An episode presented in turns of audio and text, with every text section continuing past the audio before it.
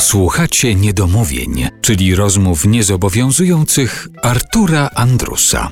Natalia Kukulska jest dzisiaj naszym gościem w RMF Classic w Niedomówieniach. Zaczęła się ta nasza rozmowa od Fryderyka Chopina, bowiem mówimy Państwu o tym, że ukaże się płyta Czułe Struny, na której to Natalia Kukulska i Sinfonia Warszawia prezentują utwory Fryderyka Chopina e, w nowych aranżacjach z tekstami dopisanymi specjalnie do tej muzyki.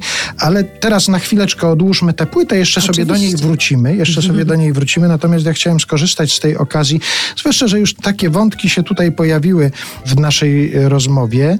Pani powiedziała gdzieś też w jakiejś rozmowie prasowej, którą przeczytałem, że niezbyt często pojawia się medialnie, nie, nie korzysta z takich zaproszeń do opowiadania o ciężkich tornistrach, o macierzyństwie, o różnych takich tematach, na które by się pani nie chciała koniecznie wypowiadać, ale ja to nie będzie o ciężkim tornistrze, ale, ale o macierzyństwie. Czy zdarzyło się kiedyś, że dzieci mówiły na przykład w domu: Mamo, tato, nie rozmawiajcie już o muzyce, porozmawiajmy o czym innym.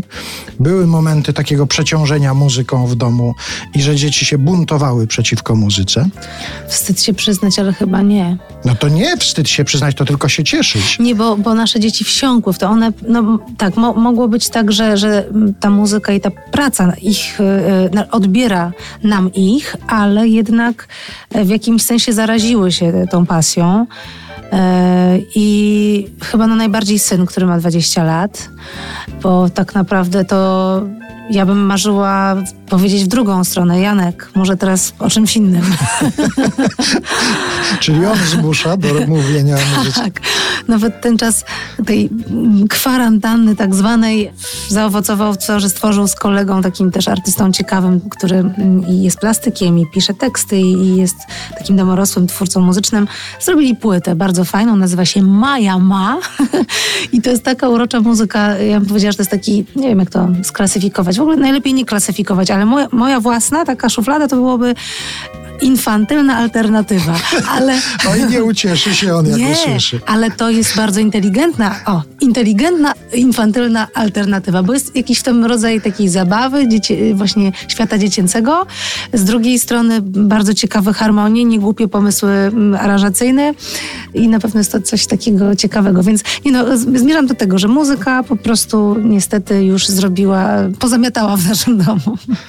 I nie ma możliwości, żeby na chwilę się od niej oderwać nawet trudno jest nam oderwać się. Ja na przykład teraz przyznaję, że mam mm, bardzo, bardzo mi jest trudno wyciągnąć męża z piwnicy, bo tam są wszystkie jego ulubione zabawki muzyczne. I czasami mam wrażenie, że po prostu y, cudowna ucieczka przed tym, co w domu trzeba zrobić, a mając troje dzieci jest co zrobić.